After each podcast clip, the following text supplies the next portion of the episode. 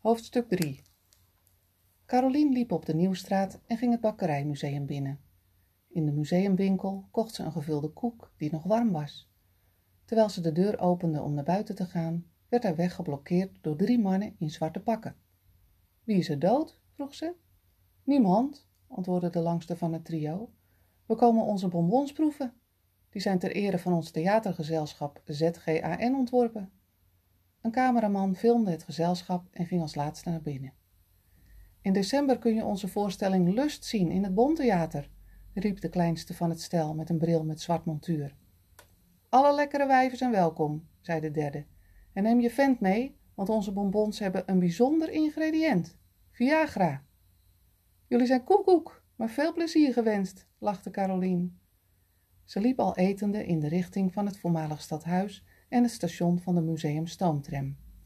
Ze stak het spoor over en kwam op de dijk. Ze ging op een bankje zitten, at langzaam de rest van haar koek op en genoot van het wijdse uitzicht op het IJsselmeer.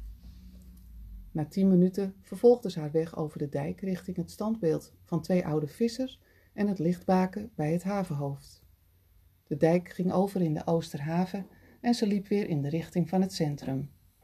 Er stonden een man en een vrouw op de kade, ter hoogte van café Brakenboer. Ze waren in een verhitte discussie gewikkeld en wezen om de beurt naar een boot die aangemeerd lag. Carolien ving flarden van het gesprek op. Te duur. Zo'n boot vind je? Met jouw connecties bij de... Niet zo stom. Welke garanties? Morgen maar terug.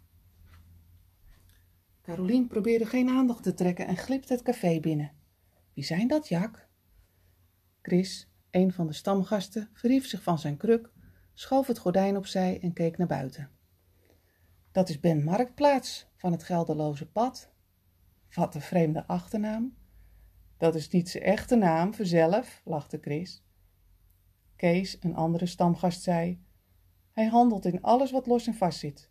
Hij heeft een keer zijn schoonmoeder op marktplaats gezet, maar daar trapte niemand in. Dat begrijp ik ook wel weer, want dat mokkel. Jak viel hem in de rede en zei: Hij heeft een loods achter zijn huis waar je het end niet van kan zien. Die staat vol oude troep, beaamde Chris. Op dagen dat er grof vuil wordt opgehaald, zie je hem voor dag en dauw op pad gaan en spullen op zijn aanhanger laden. Hij ziet overal handel in. Vooral dingen van ijzer, zoals bedspiralen, parasols, kinderzitjes, noem maar op. Er liggen hier soms wat bootjes die hij probeert te verkopen, zei Kees. Maar de kroonjuwelen die aan de overkant afgemeerd liggen, raakt hij aan de straatstenen niet kwijt. Ja, zei Chris. Tijdens de crisisjaren waren er veel mensen die hun boot moesten verkopen om het hoofd boven water te houden. Daar heeft Ben handig gebruik van gemaakt. Hij koopt ook boten via de domeinen uit faillissementen, heb ik begrepen, zei Jak. Ik vraag me af wat hij daar voor handel in ziet. En die vrouw? Vroeg Carolien. Dat is Lise Pel, wethouder van onze gemeente. Zij doet recreatie en toerisme. Ze woont in een straat hierachter. Zal ze in die praatjes van Ben trappen? Ze discussieerden over een boot. Ik denk dat die dame van de gemeente er een wil kopen. Dat moeten ze zelf weten, zei Kees. Ik zou het niet doen. Koop een boot, werk je dood. Geen goed idee. En ik kan het weten. Carolien ging ervoor zitten en vroeg: Oh ja, vertel. Aan de overkant van de Oosterhaven keek Henny door het raam van zijn woonkamer boven zijn restaurant naar buiten. Hij zag Carolien naar binnen gaan bij Brakenboer. Nou, nou, wat een geweldig recept heb je van Jak en Joe Medemblik geplaatst, dacht hij zuur. Wat een uitslover met zijn sliptong. Het is maar een gewoon café. Wat haalt hij in zijn hoofd dat hij kan wedijveren met mijn restaurant of met Costa's? Schijnbaar onverschillig gebruikte hij het magazine om de drollen uit de kattenbak weg te gooien en liep weer naar het raam.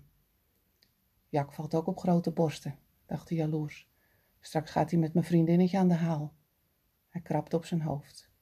Ik zal Jak laten zien dat iedereen mijn tunnel een briljant idee vindt. Voordat hij het in de gaten heeft, heb ik zoveel steun verzameld dat hij er niet meer omheen kan. Zo'n brug, daar zit toch niemand op te wachten? Ik heb een plan dat inslaat als een bom. Met mijn strategie zal ik overwinnen. De wijven komen dan vanzelf. Henny pakte een vel papier en een pen, ging aan zijn eettafel zitten en begon driftig te schrijven.